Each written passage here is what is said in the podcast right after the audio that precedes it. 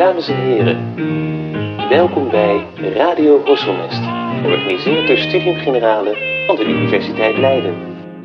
Dames en heren, welkom bij een nieuwe aflevering van Radio Horselnest. Vandaag verwelkomen we dichteres, essayist en vertaler Anneke Brassinga.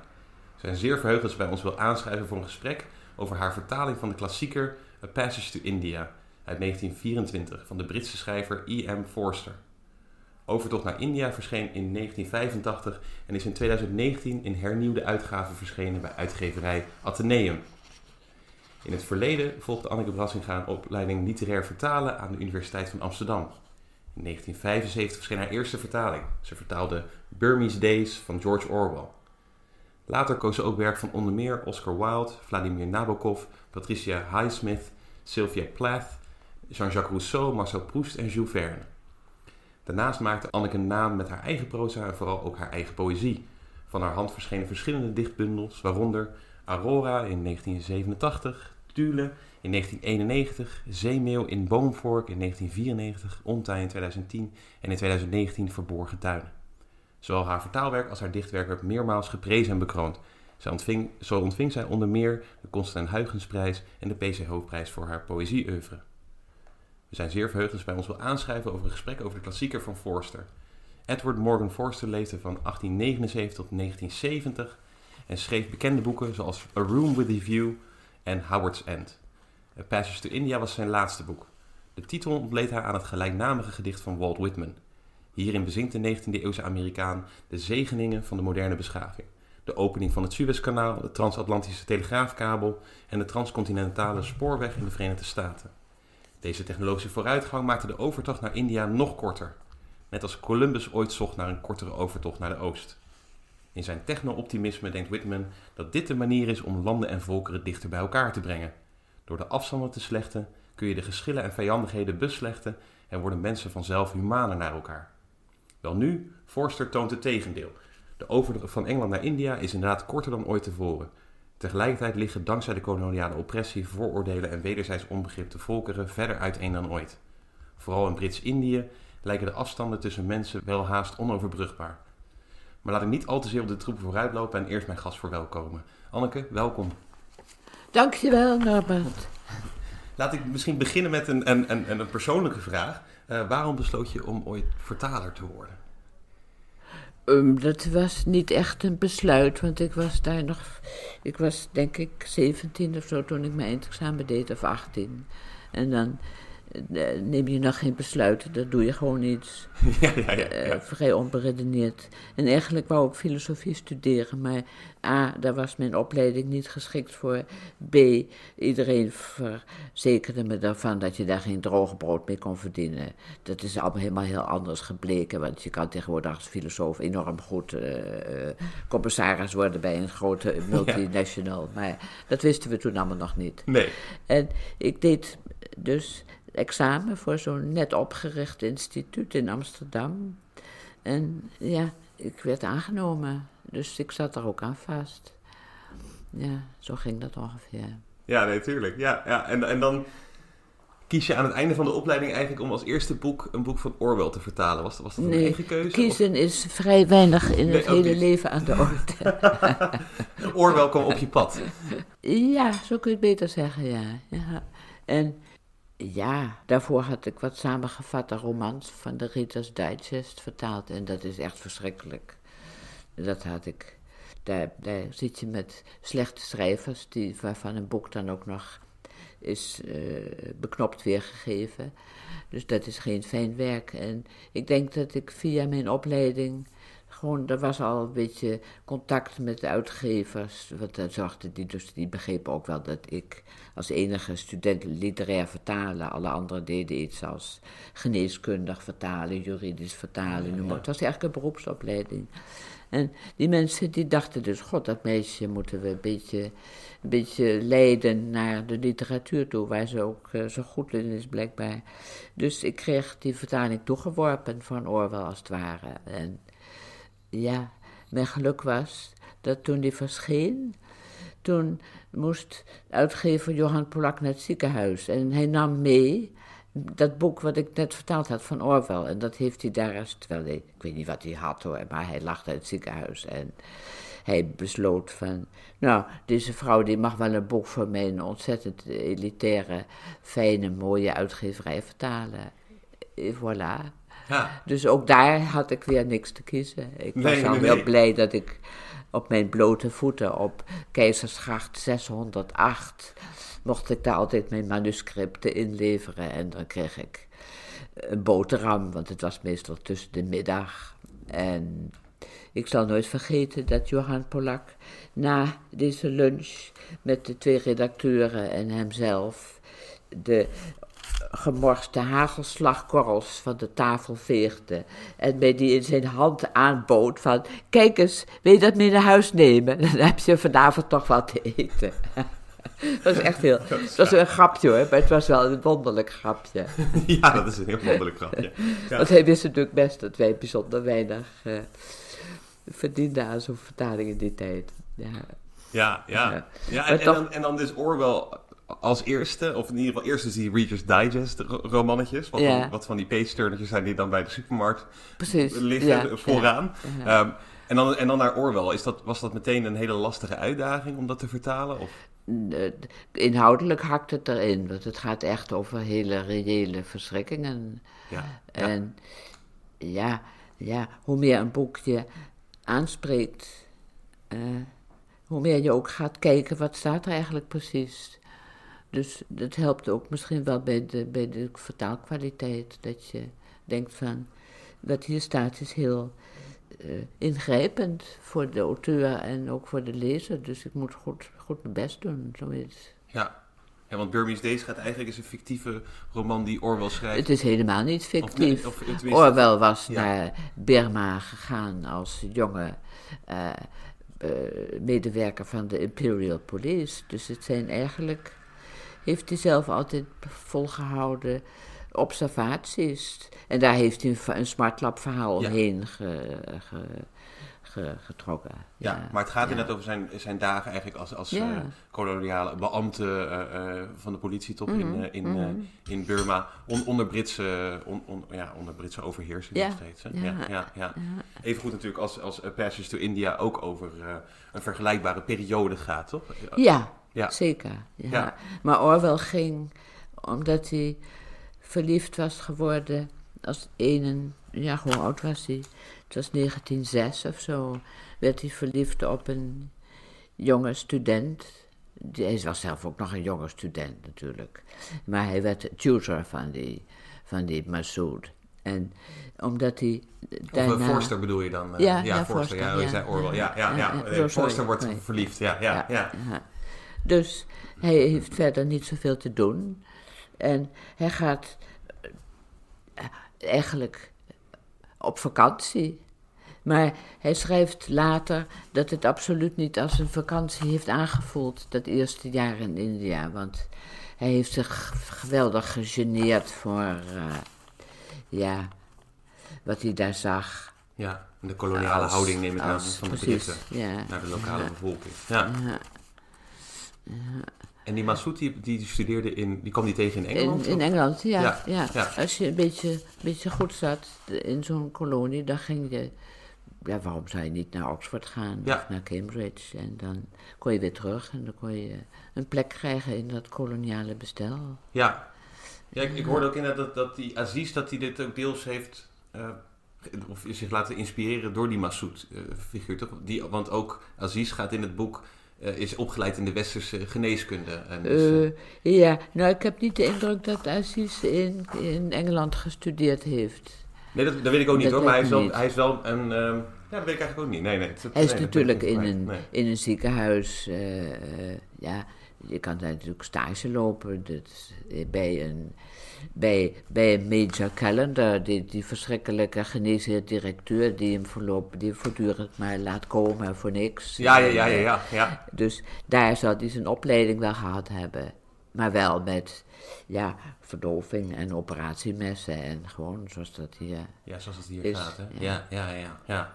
En, dan, en dan bijvoorbeeld een... vers- Dus, dus inderdaad Orwell en, en Forster gaan onder, onder hele onder andere omstandigheden naar die koloniën toe. Dus Forster eigenlijk op vakantie, Ja. Orwell als, als, gewoon als werk. Ja. Ehm, is, is- zijn, er nog, meer- ja, zijn er nog meer verschillen tussen die twee romans? Of, of Er zijn er natuurlijk sowieso, maar ehm, die in het oog springen. Die zijn enorm veel. De Orwell schrijft als ja, uiting van woede. Hij stelt iets aan de kaak. En dat doet hij op een enorm geslaagde satirische manier. Hij laat die mensen echt de vreselijkste racistische uitlatingen doen. En hij is uh, genadeloos in dat opzicht. Ja. En Forster heeft veel meer het idee dat hij een oude beschaving, die door al heel veel andere culturen is overrun, is uh, ja, bezet als het ware, dat hij nu in de Engelse tijd ja, toch een soort, uh, een soort opleving krijgt van lust naar onafhankelijkheid. Zodat je in die Indische, Indiase gemeenschap ook allerlei ja, openingen ziet van pogingen tot contact en tot een soort verstandhouding. Ja, ja. En hij heeft het idee dat, je, ja, dat er iets te redden valt. Ja. Omdat we gewoon als mensen in zijn optiek overgeleverd zijn aan een, aan een universum waar we uh, zandkorrels zijn en niet veel meer. Dus als zandkorrels moeten we uh, ons met elkaar, zouden we ons met elkaar moeten kunnen verstaan. Dus Ja. hij heeft een heel cinematografisch beeld. Het begint met dat stadje. Ja. Is- Dat daar, daar zweeft inderdaad. de camera als het ware overheen. Ja. Maar dan gaat die camera echt omhoog. Een pen noemen ze dat, geloof ik, in de filmwereld. En dan krijg je een, een resonantie binnen dat universum van die kleine gebeurtenissen tussen de mensen onderling. De kolonialen, de islamieten en de, en de, en de hindoes en de vrouwen en de mannen. En dat wordt allemaal verkleind. Maar het hoort ook, het is ook deel van die, van die grote ruimte. En dat maakt het weer heel noodzakelijk. Dat al die futiele onderlinge wirwar, hij noemt het muddle or mystery. en ik heb daarvan gemaakt eh, soms warboel en wirwar. Maar het gaat hem ook, in, in die echo van muddle or mystery hoor je ook al een soort ja, ruimtelijke klank waarvan wij niet precies weten of het het een of het ander is. En dat maakt het boek zo eh, bijzonder. Het is heel gedetailleerd en tegelijk enorm gedistanceerd dus in die cameravoering als Ja, het ware. Zeker. En dat in- en uitademen, dat zoomen, dat herhaalt hij door het hele boek door. Ja, zeker. Dus dat, dat is misschien ook wel een beetje de band met Whitman, want die is ook enorm eh, kosmisch aan het rijken altijd, bij wat hij ook schrijft. Klopt, ja. ja. En, ja. Maar het is wel bekend dat Whitman, dat die titel pas een maand voordat het boek verscheen of af was, heeft Forster eraan gedacht dat hij dat zo zou kunnen noemen. Oh ja, ja, ja, ja. ja, Ni- ja. Niet eerder. Het, is Nee. het heeft hem niet begeleid bij het schrijven in ieder geval. Nee, want jij zei al even in het voorgesprek, hij heeft tien jaar gewerkt aan deze, aan- deze Ja. roman. Maar dus Ja. pas in de laatste maand had hij eigenlijk een, eh, een, Een, titel. titel. Ja, ja. Ja. ja, en dan ook nog eens een keer inderdaad A Passage to India, wat toch ook, ja, je hebt het zelf net verteld, A Passage als, als overtocht. Komt Precies. Ja, ja. maar een passage heeft ook wel vaak inderdaad het idee van je gaat ergens doorheen om ergens uit te komen. Hè? Het is ja. een soort, eh, Dat gedicht van Whitman eindigt met O my brave soul, O farther, farther sail, O daring joy, but safe are they not all the seas of God? O farther, farther, farther sail. Dus verder, verder, Ja. verder. Het is een, eh, het is een verbijsterend gedicht hoor. Ik Het bedoel- is absoluut een verwijzend gedicht, ja. En we zeiden ook al even inderdaad, het is echt in die tijd van dat techn- enorme technologische optimisme wat men, wat men heeft in, in de Verenigde Staten. Met de komst Ja. van al die nieuwe eh, technologieën en ook eh, die grote veranderingen. En, en, en bij hem heel erg dan de hoop van, nou, als we dan maar die afstanden slechten, dan kunnen we inderdaad, dan, dan hebben we Dan niet zijn meer... we broeders. Dan zijn we broeders weer, Ja, ja. En voor Forster deed natuurlijk ook wel iets ertoe dat het een, een, een mede-homoseksueel is. Ja, ja, ja.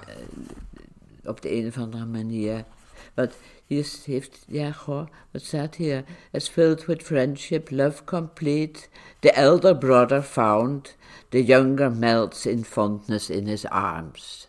Dus dat is echt die, die, die, die broerliefde die eh, heel, ja, goh, Ja. die heel erg past misschien bij het toen nog verboden homo zijn. Ja. Dat zou ook heel goed... eh, Ja, en ook al een beetje een soort resonantie vindt in, in, eh, in, in dus dokter Aziz eh, Ja. als, als, als moslimarts. die, die worstelt met die, met, met, met die koloniale oppre- oppressie. En tegelijkertijd ook een soort vriendschap vindt in die Cyril ehm, eh, Fielding, Fielding, ja. de, de, de, schoolmeester van de lokale school. En die, en, en, en die toch ook een, toch, toch- een soort intieme band ook met elkaar krijgen. Wel een vriendschappelijke band dan in dit geval, maar eh niet te min ja, eh, vertelt hij die Fielding heel veel. En laat hem Ja. ook echt in dat privéleven. Want tegen iedereen liegt die Aziz dat zijn vrouw nog in leven is. Samen met de kinderen. Eh, dat is niet echt liegen hoor. Dat is meer gewoon ja, een, praatje voor, eh, voor de bestwil. Ja, om, ja precies. Om dat niet ja, aan te snijden en te- daarover te hoeven praten. Natuurlijk, ja, ja, je hebt gelijk. Ja, dat is niet inderdaad om mensen te misleiden. Maar meer om daar niet om, op, op in te hoeven gaan. maar laat de. Fielding daar wel natuurlijk eh Hij laat een foto zien van zijn overleden vrouw. Dat wordt hem ook meteen, eh, dat zal hem zuur opbreken. Want in de hele Marabar-climax is die foto ook nog eens een zogenaamd bewijsstuk dat hij eh, slechte, slechte zeden heeft. Ja, ja. Ja, want we beginnen inderdaad in het boek met ei- eigenlijk het eerste stuk krijg je inderdaad wat jij zegt, die, dat, dat inzoomen op dat kleine stadje, dat Chandrapur, wat een fictieve, fictief stadje is. Net als dat die het, Marabar-heuvels. is, het is eigenlijk in Doren. Ja, hij heeft het wel gebaseerd op, op werkelijk bestaande, eh, een werkelijk bestaand stadje en een werkelijk bestaande heuvelpartij met grotten ook. Hè? Maar hij Ja, heeft andere zeker, namen ja, gekozen. zeker, ja. En dan zien we inderdaad dat kleine stadje liggen en dan groter dat perspectief die, die heuvels, die ook iets onmenselijks hebben en Oh, een die- hele diepe tijd als het ware voorstellen. Ja, ja. Ja. Maar daarna komt er een heel eenvoudige verhaallijn. Ja, Je ziet wat eh, Mohammedanen, die, die hebben een gezellig kletspraatje. ja, En dan wordt een van deze vrienden, die, eigenlijk zitten te wachten tot ze wat zullen gaan eten, die wordt gestoord, want hij moet als de bliksem bij de geneesheer directeur opdraven. Dat is Aziz. ja, En dat alles komt eigenlijk voort een ontmoeting van Aziz met de oude Mevrouw moeder Moore, ja. van de pas aangekomen rechter. Die moeder die chaperoneert de verloofde van deze rechter. En de verloofde komt kijken of ze eigenlijk wel met deze Ronnie wil trouwen. ja, ja. En die oude moeder, Mrs. Moore, is even afgedwaald van een vervelende, hinderlijke eh, eh, voorstelling van een musical, zoals die de Britten daar voortdurend elkaar menen te moeten amuseren met Ja, eh, ja. opgeklopt Brits vermaak. Dus die is een, een moskee binnengedwaald in de eentje. Ze heeft ook heel keurig de schoenen uitgetrokken. En dan krijg je een heel mooi, bijna epifanisch moment van een ontmoeting ja. in het donker. Dus ze kunnen elkaar eigenlijk, na enige tijd zien ze van, hé, hey, dat is een oud wijfje, hé, hey, eh, dat is een eh, aardig uitziende Ja. jonge man. Ja. En die krijgen dus een gesprek op een heel elementair menselijk niveau. ja. En ja, daarna gaat die hele machine van de sociale eh, mechanieken weer in werking. Want die, die vrouw, na dit moment, die keert weer terug naar de, de club, de sociëteit van de Britten. En daar is weer enorm ja, gekakel over hoe het allemaal moet met eh, inlanders en dit en dat. Ja, en daar ja. komt weer uit voort een bridge party. Dat is een brugreceptie. De- die- er moet een brug worden geslagen op bevel eigenlijk van de verloofde. En daar moet ze, daar, want ze wil zo graag Indiërs ontmoeten. Ja, En ja. vanuit, eh, op die receptie, daar is niet Aziz, hij is niet gekomen. Als enige is hij niet gekomen. Maar, niettemin, het noodlot, er valt niks te kiezen in het leven.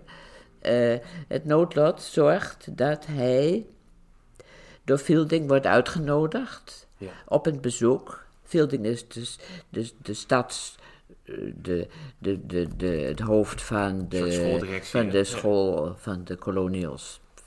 Dus ook voor de inlanders, juist voor de inlanders. Gewoon het Britse onderwijs voor Indiërs. Ja, En dus veel ding, die heeft gehoord van mevrouw Kwesten dat ze zo Indiërs wil zien. En die nodigt Aziz uit en nog een Brahmaan. ja. En van daaruit komt Aziz tot de idiote opmerking dat hij ze allemaal bij zich thuis uitnodigt, wetend dat dat een grote troep is van doodgeslagen vliegen en eh, ja, klopt. eh, Ja, ja, eh, ja. eh, van dat betelsap op het tapijt en zo. Dus hij moet zich hernemen en hij komt, hij vat het onzalige besluit dat ze met z'n allen gaan picknicken daar bij die heuvels. Bij de grotten. Die wonderlijke heuvels, die vuisten en vingers uit de prehistorie.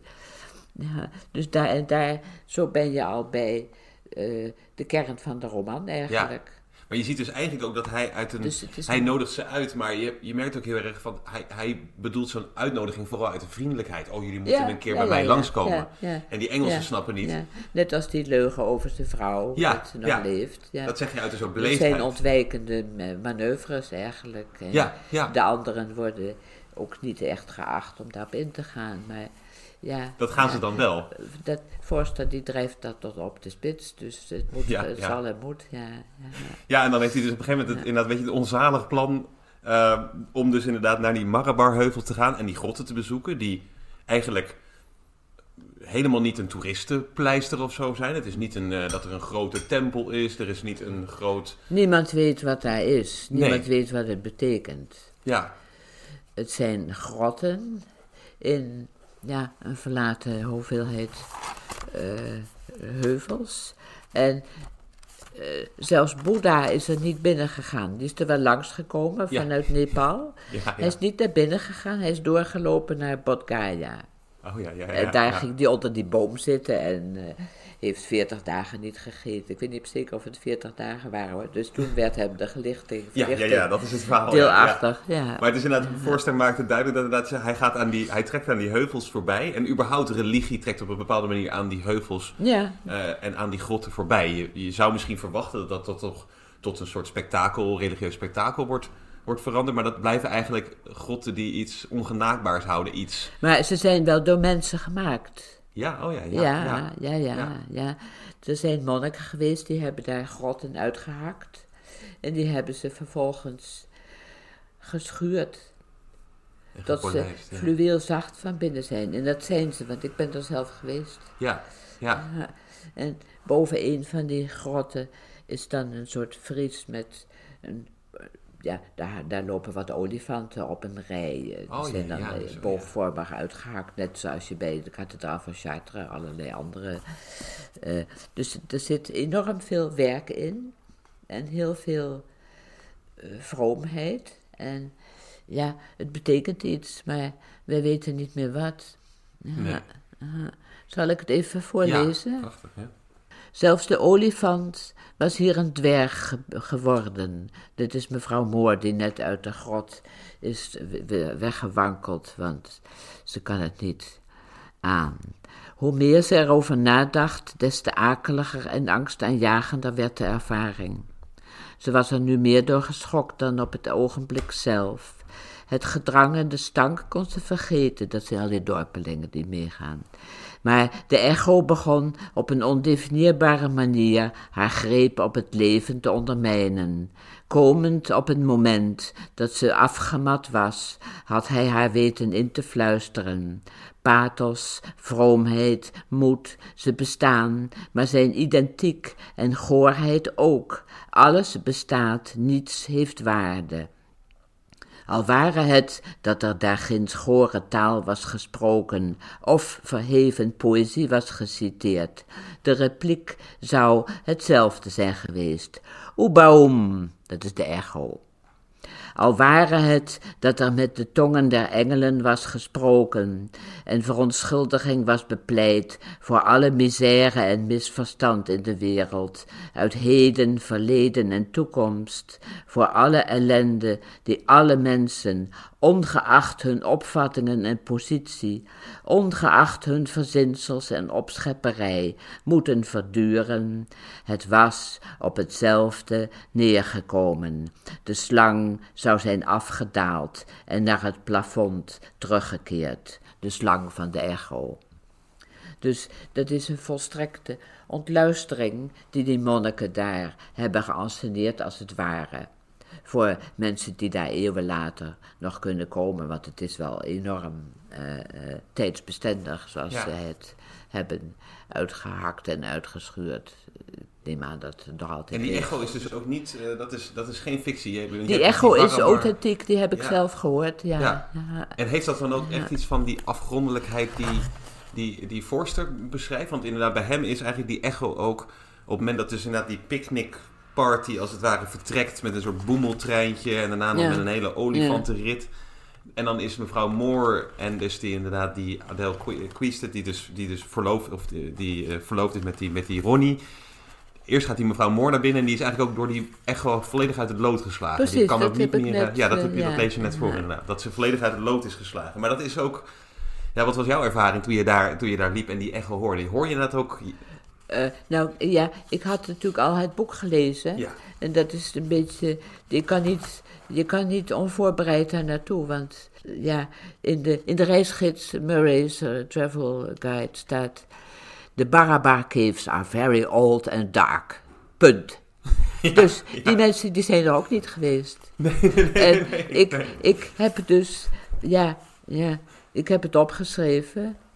De echo die Forster beschreef als a dignified roar is wonderbaarlijk. Elk geluid lijkt door een heel nauwe, hoge schoorsteen weg te schichten, pas na lange tijd verstervend.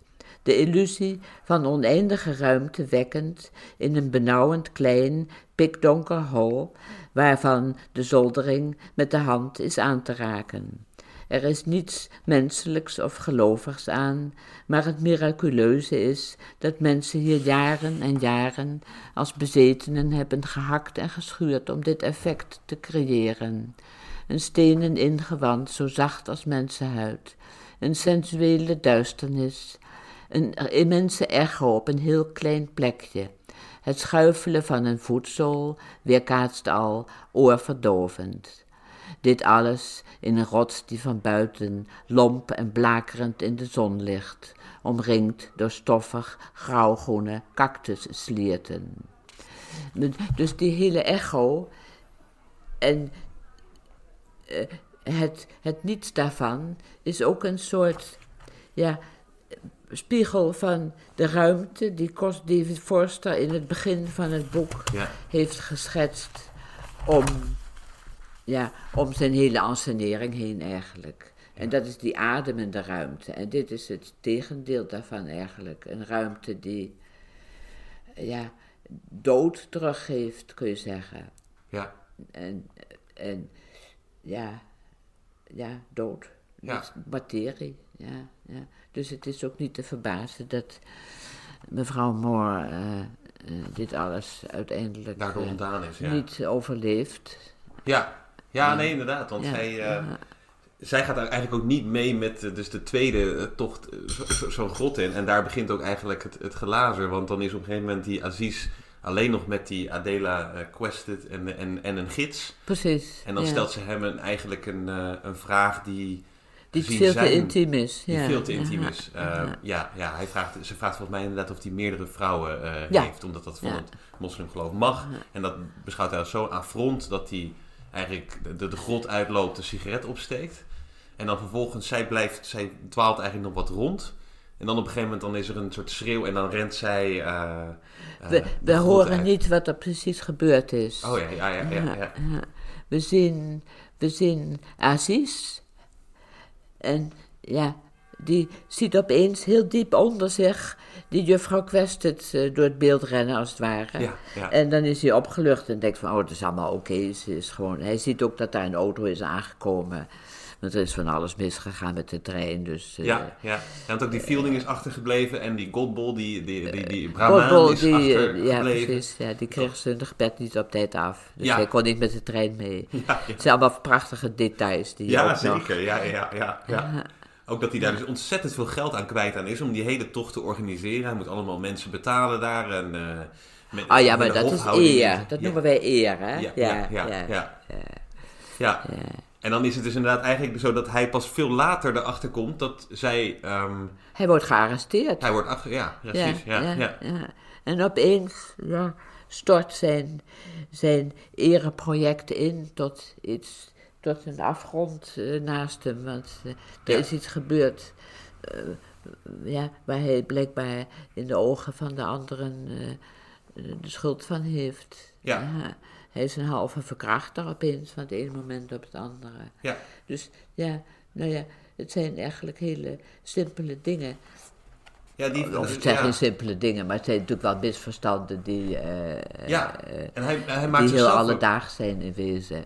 En dan wederom ook door zijn vriendelijkheid brengt hij zichzelf ook een beetje in verlegenheid. Doordat hij dan als het ware een verhaal spint rondom waarom die Adela eh, naar die auto toe is gerend. Dus de eerste Ja, mensen die hij tegenkomt, ja, daar ja, zegt hij, daar, en dan spint hij een soort verhaal wat een deel fantasie is. Maar dat wordt dan ook weer tegen hem gebruikt. Tuurlijk. Omdat Ja. ja, hij heeft weer uit de vriendelijkheid probeert hij daar een rond verhaal Het van zijn- te maken. Hij, ja, hij is enorm goed in ontwijkende manoeuvres. Ja, ja, ja.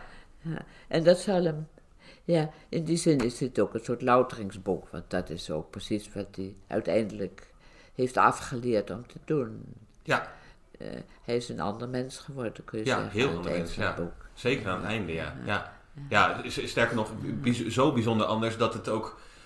Het lijkt ook alsof in die figuur Aziz het niet meer...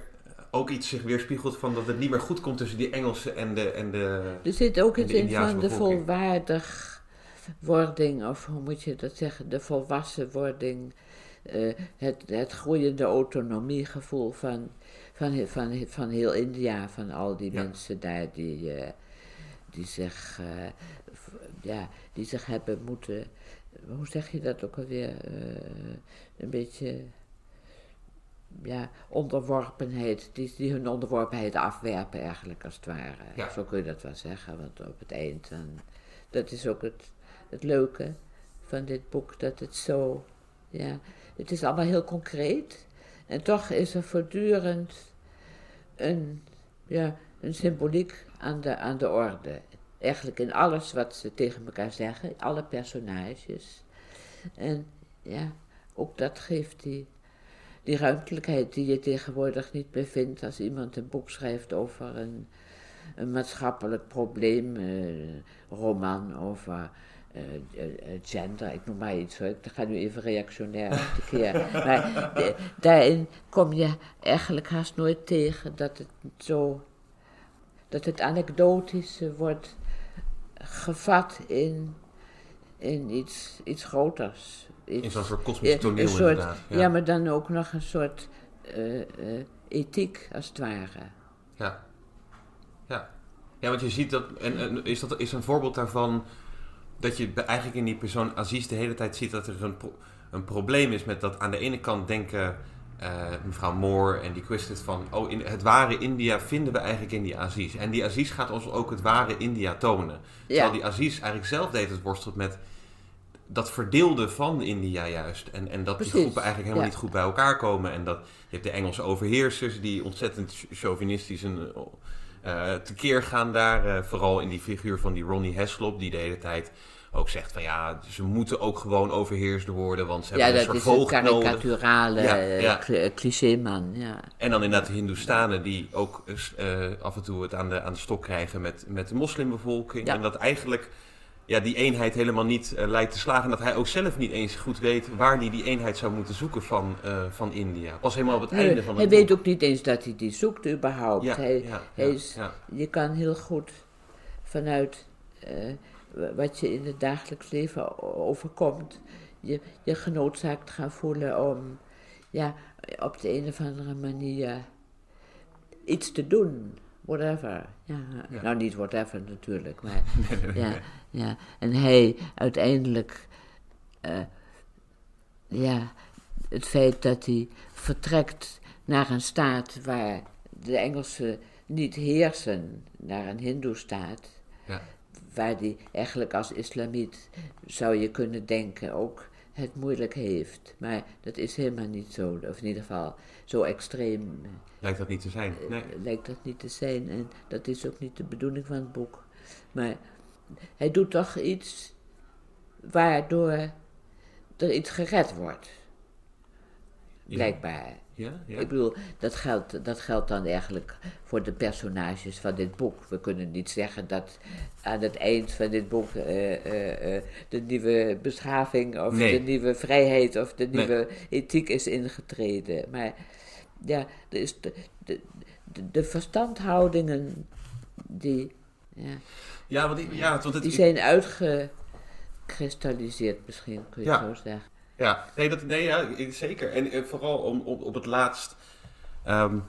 ja, op het la- eh, je ziet dus inderdaad eigenlijk aan het begin dat je die moskee-ontmoeting hebt met mevrouw Moore en, en, en Aziz. En die Moore heeft natuurlijk nog niet echt een beeld van, van India. Is ook een beetje romantisch in haar verlangen om dat echte India eh, te zoeken. Natuurlijk, een Maar hij vindt een soort vriendelijkheid in die. Aziz. Ja, ja. En hij vindt een vriendelijkheid in haar. Dat is ook Ja. eigenlijk de enige vriendschap die stand houdt. Nou ja, zij komt op een gegeven moment te overlijden. Als haar overtocht eigenlijk van India naar Engeland wordt geregeld op het moment dat zij eigenlijk het niet eens is met die Adela, met haar aantijging van Aziz, maar niet wil getuigen in de rechtbank. Ze is gewoon kapot Ja, na deze grotbelevenis.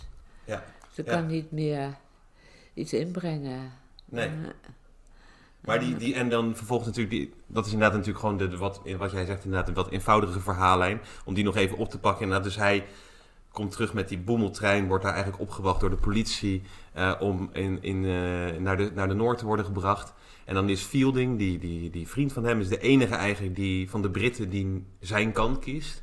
Alle andere Britten Mhm. zien meteen daar ook een, bijna een soort van zondebokfiguur in. Van kijk, eh, hè, hier zien Tuurlijk. we ook het bewijs dat Tuurlijk. Ehm, eh, eh, dat, de- dat, dat, dat, dat de mensen niet deugen en dat, dat die Engelse overheersing van belang is. En dan, maar dan in, eigenlijk in die, ja, die Fielding en Aziz komen eigenlijk vervolgens eigenlijk nooit meer echt goed bij elkaar. Dus Fielding neemt het voor hem op. En Adela uiteindelijk in de rechtbank zegt ook wel dat de aantijging op niks berust is. Dat het toch niet die Aziz, of waarschijnlijk toch niet die Aziz is geweest. Maar Ja, maar dat zegt ze op een heel cruciale manier. Ja, ja. Want ze spreekt opeens eh, de waarheid uit zoals ze die ook beleefd heeft. Ze is opeens in staat om terug te gaan naar het moment. ja. En dat hoort wel bij eh, de ethiek van het boek, als het ware. Dat er niet meer gesjoemeld wordt. En Ja, want- dat ja, komt ja. omdat ze ook een soort epifanie beleeft. Ze ziet namelijk een persoon die, die daar zit in die zaal. Ik zoek het even op hoor. Ja hoor, is goed. Want ook Forster zelf houdt eigenlijk in het midden, hè, wat, wat er in die grot nou precies is, is, is gebeurd. Het Hij is nooit zegt, duidelijk. hij zegt heel duidelijk dat hij het gewoon niet weet. Nee, Hij, nee. hij weet het niet. Ik heb het ergens. eh, Nou, dat weet ik niet meer precies. Maar hij zegt dat het inderdaad een, een mystery or a muddle is. Hij weet het gewoon niet. Nee, nee. Zijn mind is in een blur als hij daaraan denkt. Ja, Dus, en op de, op de, daar, daar moet je hem in geloven, denk ik. ja. Hij weet het echt niet. Nee. En Maar zij heeft inderdaad, inderdaad een helder moment in die, in die rechtszaal. In die rechtszaal hè. Dan, dan was ze inderdaad een- ineens... ehm, ja, ik zal het ook wel even voorlezen. Ja. Het is ongeveer vergelijkbaar met, met wat mevrouw Moore in de, in de moskee beleeft. Ja, het was overvol in de rechtszaal en natuurlijk smoorheet. En de eerste die Adela gewaar werd, was de geringste van alle aanwezigen. Iemand die officieel niets met de rechtszitting te maken had. De man die de ponka bediende. Vrijwel naakt, magnifiek van gestalte, zat hij op een verhoging achter in de zaal, midden op het gangpad. En toen ze binnenkwam, trof haar zijn aanblik. Het was of hij de gang van zaken bestierde. Hij had de kracht en schoonheid die soms ontluiken in Indiërs van nederige afkomst. Als dat vreemde ras tot het stof nadert en tot onaanraakbaarheid is gedoemd, dan herinnert de natuur zich de fysieke volmaaktheid die ze elders tot stand heeft gebracht en gooit er een God tegenaan een enkele, zo hier en daar, om te bewijzen hoe weinig ze zich aantrekt van maatschappelijke scheidslijnen. De man zou overal een opvallende verschijning zijn geweest. Maar tussen de doorsneebevolking van Chandrapur, zo schraal en miserig, leek hij een godheid. En toch kwam hij uit de stad. Het vuilnis ervan had hem gevoed. Op de vuilnishopen ervan zou hij tenslotte terechtkomen. Zoals heer Touw naar zich toetrok, het ritmisch liet vieren, liet vieren, wervelingen van lucht over de anderen liet stromen, zonder er zelf in te delen, leek hij los te staan van menselijke lotsbestemmingen, een schikgod, een zifter van zielen. Dus daar heb je weer die ademhaling. Ja, en zeker. ook, ja, uh, de aanwezigheid van iets waar wij niet aan kunnen tippen, als het ware. Ja, en, uh, godheid of dus dat zijn de momenten waar Forster het om laat draaien. Want door deze aanblik krijgt Adela opeens uh, een, een, fris hoofd, als het ware. Ja. En ze Oh, dus pas als haar blik valt eigenlijk op inderdaad dat kosmische spektakel, of, Ja. of, of de, ook de nietigheid van het bestaan, of de nietigheid van betrekkingen, dan Nou, pas de, krijgt die ze- man die iets nietigs en iets goddelijks tegelijk heeft, maar Ja. die daar volkomen onaantastbaar eh, de lucht laat wervelen. En Even goed ja, natuurlijk als die grotten het is een soort epifanie, hè? Ja. net als. Ja, ja alleen natuurlijk. is dit weer een, een positieve eh, visioen, als het ware. Ja. Nee, zeker. En dat- ja, inderdaad, in, in die ervaring doet ze dan Dat, in één keer dat roept haar, dat, ja, dat ja. maakt dat ze haar geweten kan laten spreken door gewoon te zeggen, zonder angst voor haar eh, koloniale, ja, eh, die mensen zitten natuurlijk allemaal te wachten op het veroordeling van deze schofterige Ja. moslim. Maar eh, ze zegt tegen die verwachtingen in, op grond van, denk ik dat Forster bedoelt, deze visionaire aanblik, zegt ze wat, het, wat ze weet en wat ze niet weet. Ja. En voilà, eh, Ja. er is geen rechtszaak meer. Ja. En dat is de enige manier om die rechtszaak... Dat is de enige manier om het... Ja, want- En al het andere had sowieso die Aziz veroordeeld tot, eh, tot, de gevangenis, of tot Ja, gevangenisstraf natuurlijk. Ja. Ja. ja. En dan zie je ook dat, in. Ja. dat die ene aanklacht ook, eh, eh, hè, dus niet alleen inderdaad daarvoor in, in eigenlijk het, het, het, het tot zondebok maken van die Aziz, maar ook daarna in de viering van, als hij is vrijgesteld eigenlijk van die, van die aantijging. Ja, In beide zie je ook dat die twee gemeenschappen, ja, ook ondanks dat het een heel klein ehm, drama is wat zich ontvouwt, heel erg echoot ook in die gemeenschappen. Ja, Eh, ja, ja, omdat die gemeenschappen altijd eigenlijk op scherp staan. omdat precies, het altijd wringt tussen, ja, tussen alle groepen van, van, van eh, bevolkingen, noem maar op, waar, waar dan ook. Ja, Eh, tuurlijk. Ja, ja, ja, ja. En dan vindt eigenlijk dat Fielding... Dat vindt eigenlijk die Fielding, die, die dan dus zijn gelijk ook haalt... want hij heeft al vanaf het begin af aan die Aziz vertrouwd eigenlijk... dat het, dat, Ja. dat niet was gebeurd. Maar wat doet hij? Hij redt juffrouw Quested uit het gewoel. Ja, Want die staat daar opeens alleen verlaten door haar Engelse medestanders. Die, die zij heeft verraden in de blik van die medestanders. ja, Dus hij moet als hoffelijk Brit moet hij haar onderdak bieden. En dat biedt Aziz natuurlijk op. Die vat dat op als een enorm eh, verraad aan, eh, aan die vriendschap. ja. aan de vriendschap. En aan, En dan zegt Ja. hij ook nog eens een keer dat eigenlijk Aziz geen... hè, Dus Aziz wil ook nog eigenlijk niet alleen dat zij... zij hij wil eigenlijk dat zij boet voor het feit dat ze hem eh, heeft verdacht gemaakt. Dat, is zijn, dat is zijn volstrekt eh, eh, natuurlijke reactie naar dit alles. Ja. Dat hij woedend is. Ja. En hij wil eigenlijk... eh, hij, hij wil, ja, en hij wil een soort... Eerst is hij zien. gebroken door deze enorme dreun.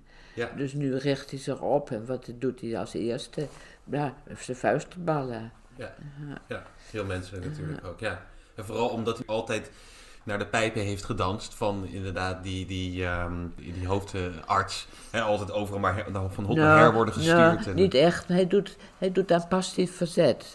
ja, ja, ja, ja, ja, ja, ja, Hij, is ook, hij is ook ergens in het boek is hij opeens een beetje ziek aan het begin van de hete tijd. En dat is een vorm van passief verzet. eh, gewoon hè, dat je toch nog iets volgens je eigen wil doet. En iedereen weet natuurlijk ook wel dat de hete tijd in aan, aan- aantocht is. Dus Ja. dat het leven ook, eh, het wordt ook zwaar in zo'n klimaat. En, en langzaam. Ja, je, Ja. jij beschreef het inderdaad. Want die Engelsen die vluchten eigenlijk in de, in de Die hitte vluchten tijd naar de heuvels. naar de heuvels, naar Ja. Darjeeling en, en dat soort plekken waar het lekker koel eh, is.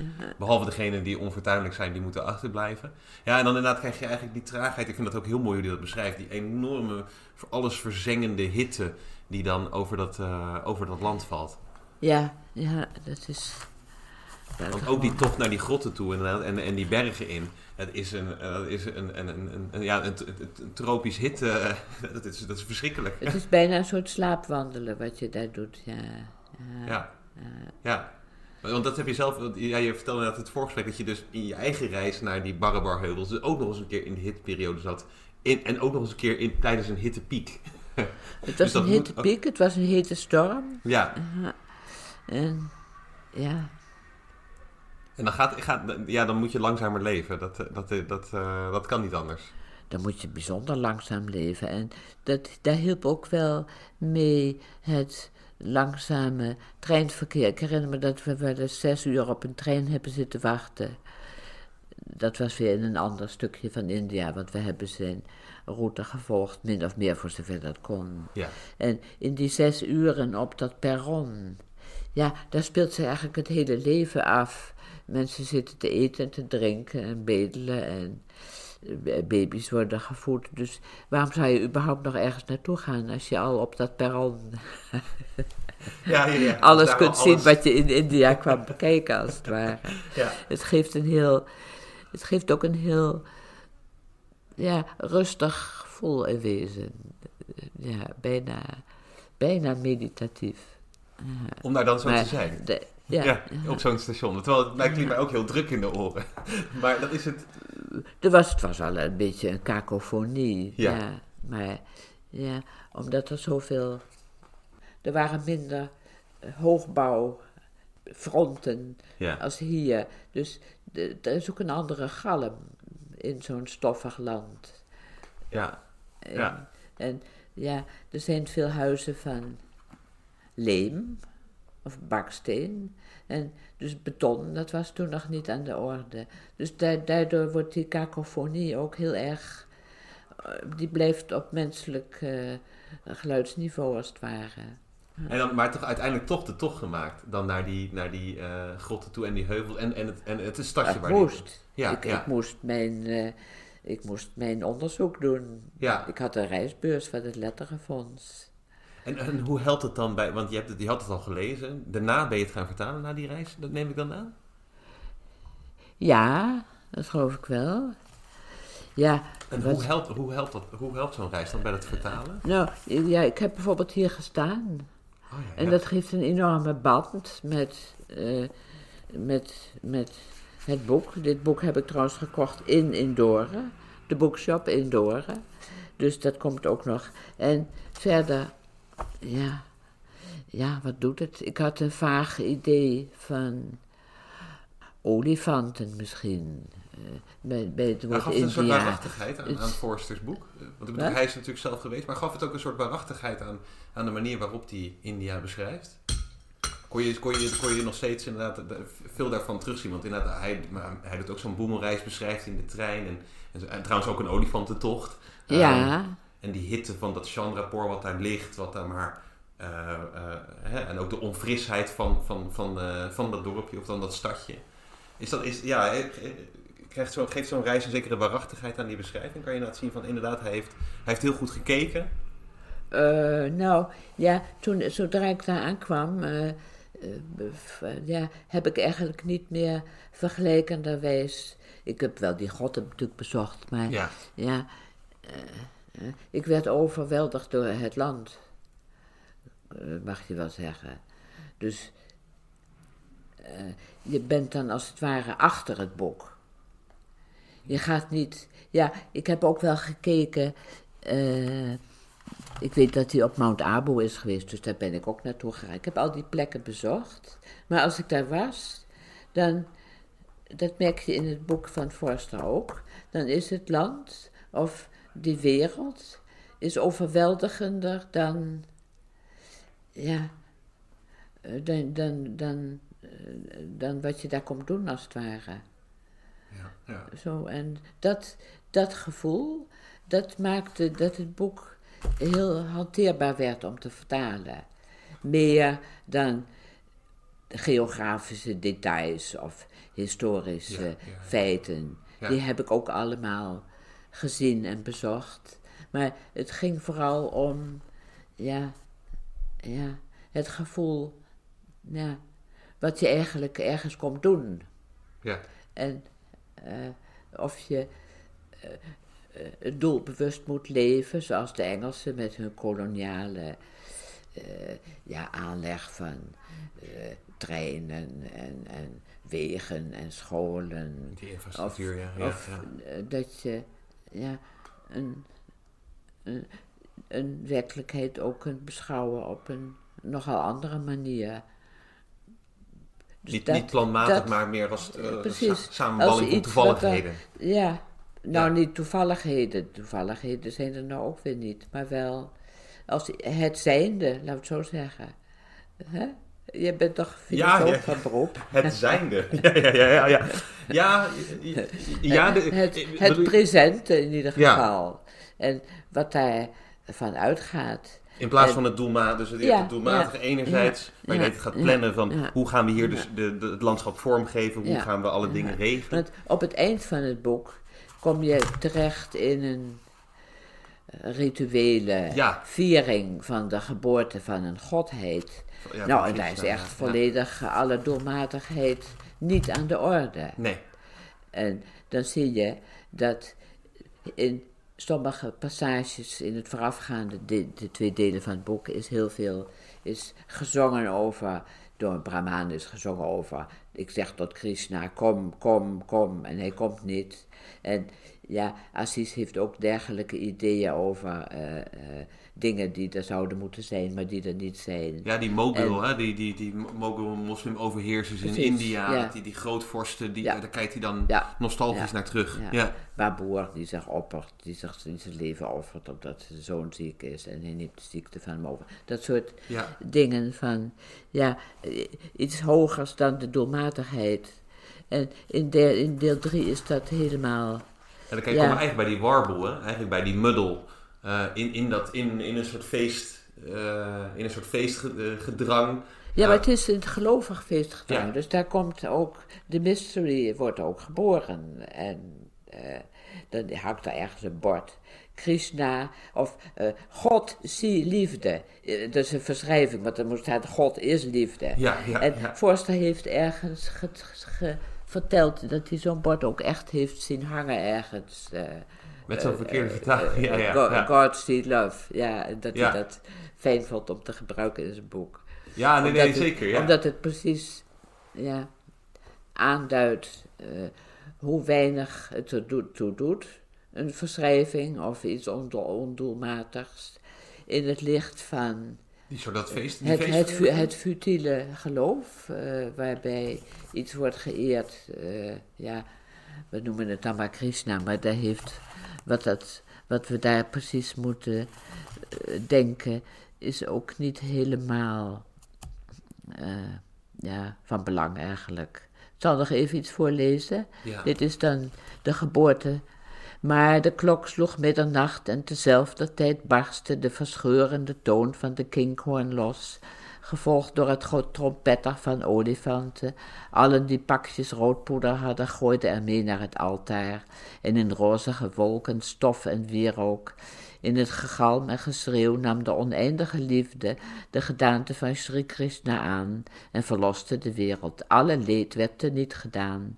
Niet alleen voor Indiërs, maar ook voor vreemdelingen, vogels, grotten, spoorwegen en de sterren. Alles werd vreugde, alles gelach. Er had nooit ziekte bestaan, nooit twijfel, misverstand, vreedheid. angst. Dat is allemaal heel ironisch, maar ook weer niet. En Ja. ja, ja, ja, gewoon, bijvoorbeeld. Bedoel, je- je bedoelt dan ironisch in de zin van, het is enerzijds ironisch, want hoe- Nou, hoe, kan dat? Hè? En dat precies, eeuwige- precies, het is irrationeel. tijd Ja. Is er natuurlijk wel Ja. vreedheid, is er wel dood, is er wel verderf, Ja, is er geen, eh, wa- hoezo vreugde. Maar tegelijkertijd ook weer iets echt omdat het, het beroert al die mensen wel. Die, die, die ja, zijn maar het beroert de schrijver ook. en dat beroert, is duidelijk. daarmee de En- schrijver. Ja, het, ik, vond het, het, ik vond het ook zelf wel interessant om te merken dat ik eh wansmaak. In India zie je ongelooflijk veel wansmaak. ja, je hebt een Heel veel lelijkheid. over wat je, En wat je opponeert eigenlijk aan die grotten. Zal ik ook, eh, lees ik ook iets voor, dat is misschien wel... eh dus dat vond ik, vond ik eh, heel mooi geschreven. Dus dan schrijf je... ehm, het ontbreken van deze negatieve aanwezigheid geeft de grotten van Barabar hun echo en duisternis. Hier geen spoor meer van het onschuldig mislukkend, mislukkend pogen het goddelijke te bereiken, zoals te vinden is in de schreeuwerige en wansmaak zwelgende hindoe-tempels met hun oranje en hemelsblauwe olifanten van gips, kakelbont aangeklede, lijkbleke marmeren etalageploppen in glazen vitrines met neonlicht, met hun goudbrokaat en kapotte spiegels, Hollandse keukentegels en morsigheid, alles overdekt met dompig geurende bloemen en witte klonters zoetigheid en rijst, die de goden bij wijze van offer in het gezicht krijgen gegooid. ja, precies. Ja. Dus daar, aan dat soort impressies heb ik heel veel gehad bij het vertalen van eh, Ja. het boek van Forster. Omdat je dan, ja, je ziet precies die, die, die, die, die rand van, ja, eh wansmaak en tegelijk iets, ja, en toch een soort eredienst die heel, Ja, ja. heel... En de vreugde die die- neerlaat over de mensen. En Ja. waar, waar het dus niet meer gaat inderdaad om een specifieke verschrijving. Terwijl ongetwijfeld Engelsen zich zeer druk maken om welke bijbelvertalingen er worden gebruikt of wat ook. Of in Ja, ja, ja. vieringen, welke in de religieuze processie wie waar loopt of wat ook. En juist die ordentelijkheid een, een Aha, rol lijkt te spelen in het geloof. Is het hier juist die feestvreugde. Eigenlijk is de Raja ook stiekem overleden Precies. tijdens die feestvreugde. Maar dat gaan ze nog niet vertellen aan de menigte. Om eigenlijk dat, dat, dat feestgedruis te houden. En dan zie je dat die Aziz ook, en dan komt die Aziz eigenlijk ook weer, krijgt ook weer een, eh, een, een, een- of ja, Fielding komt eigenlijk langs. Dus Aziz is inderdaad is verhuisd, is in dat Hindoestaanse deel van India gaan wonen, buiten die Britse overheersing. Maar Fielding komt langs op een soort schoolinspectie. Ja, precies, ja. Ja, en Aziz heeft zich in de, in de tussentijd zo boos gemaakt over die Fielding, dat hij ook denkt dat hij met die Adela is getrouwd. En dat hij dus nul van de brieven meer heeft geopend die, die Fielding de hele tijd naar hem heeft gestuurd. Ja, maar dat is ook stom wat hij heeft geschreven. Ik ben, eh, ik ben gehuwd met iemand eh, die, je, die je kent of die, je Ja. wie je familieleden kent. Dat is natuurlijk vragen om eh, misverstanden, ja. Ja, en hij is dan meteen inderdaad springt eigenlijk op de gedachte dat hij dus eigenlijk met die Adela, die hem natuurlijk in die rechtbank had, ge- eh, eh, ja, tenminste had natuurlijk had, verdacht had gemaakt, eh, ja, dat hij daarmee dan zijn, zijn, zijn getrouwd. Maar dan komt hij erachter dat hij is getrouwd met de dochter van die mevrouw Moore. Ehm, ja, waar hij dan ook weer, ja, nou ja, die die al in, de- in de, op de eerste bladzij, in de eerste bladzijden heeft leren kennen uit haar verhalen, als Ja, het ware. ja. Dus die die toen al in die moskee eeuwige trouw heeft gezworen. Ja, Zo, zo ver reikt dat al. ja, ja, ja. En dan zie je eigenlijk dat Fielding en Aziz niet meer bij elkaar komen. Dan is dat mooie beeld dat ze eigenlijk lopen op, op paarden en, de- en dat die paden, die, die paden lopen eigenlijk uit elkaar. Ik vond dat, Ah, ik vond dat, dat, is prachtig. Ja. Het eind is echt heel mooi. Ja, Ja.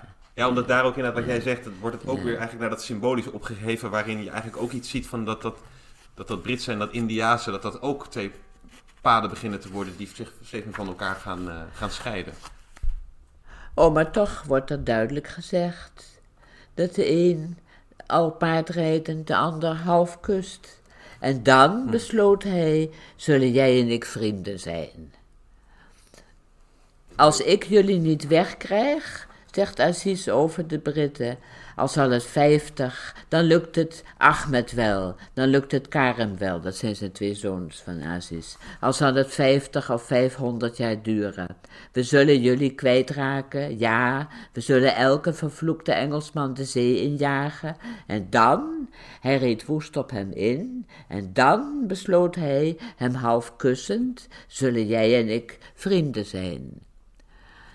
Meer valt er niet te halen. Maar dat is al enorm veel natuurlijk. Ja, ja, ja precies, ja. Ja, ja en ook daarvoor inderdaad, hè, laat India een natie zijn. Ja. Ja, toch die soort, uh, toch daarom is ook een soort wens tot die eenwording weer bij Aziz. Dat, dat toch inderdaad uh, India, uh, on, ondanks al die verdeeldheid, een, een, een, eigen land dient te worden. Natuurlijk. Ja. Ja. ja. Tuurlijk. Ja. Hindoes en moslims en Sikhs en alle anderen zullen één zijn. Ja. Ja. Oh, ik was er in het jaar dat Indira Gandhi in de gevangenis zat. Wegens corruptie. Het was geloof ik een van de weinige jaren dat het echt vrede was daar. En, en 19, welk jaar was dat? 1979. Oh ja, ja, ja. Ja, ja.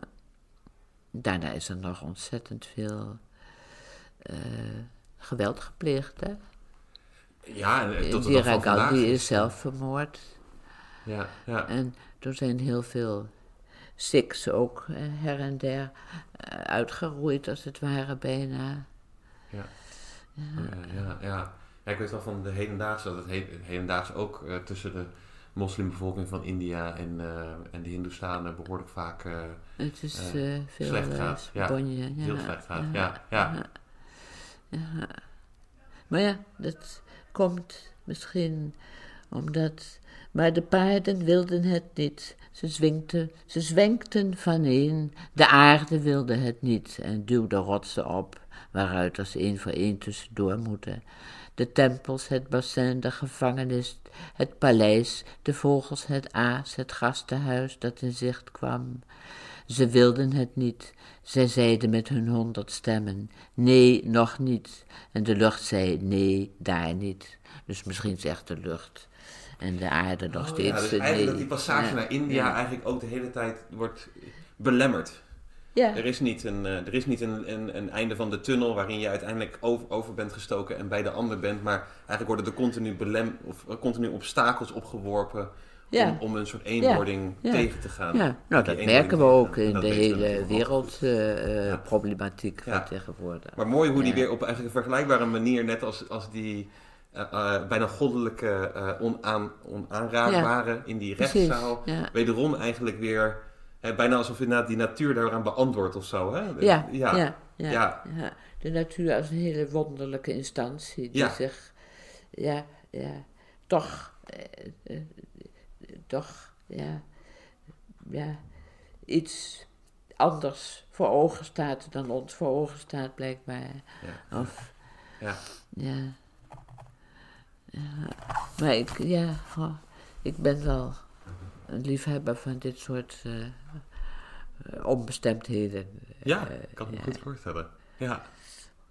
Ik vond, het ook, ik vond het ook erg mooi om met je erover te, te praten en ook te leren, inderdaad. Want ik, ik, heb dit, ik heb het één keer gelezen, maar dan merk je ook inderdaad van je moet het eigenlijk ook echt eh, eh, zeker nog een keer herlezen om, Ja. om al die fijnzinnigheden. Hij heeft zoveel prachtige zinnen, hij heeft zoveel prachtige Ja.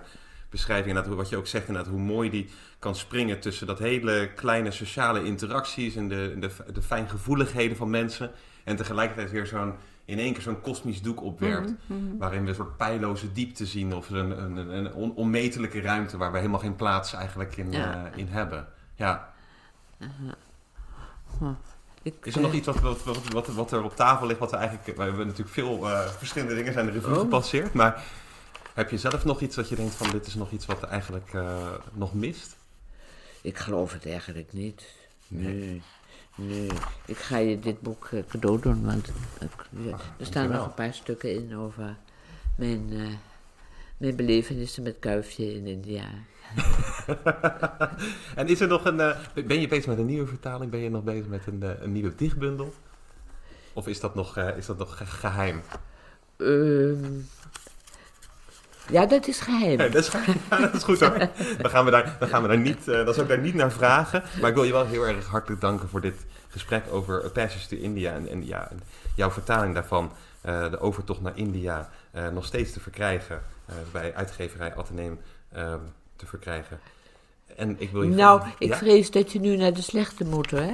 Moet je tegenwoordig naar de? Ik had hem nog in de, in de, in de boekhandel gevonden. Maar, Oh, werkelijk? Ja, ja, Dat doet me ja. plezier, dat is leuk. Maar ja. dankjewel en ook de luisteraars thuis, dankjewel voor het luisteren. En tot de volgende keer. Dit Dit was weer een aflevering van Radio Horselnest. Dank u voor het luisteren.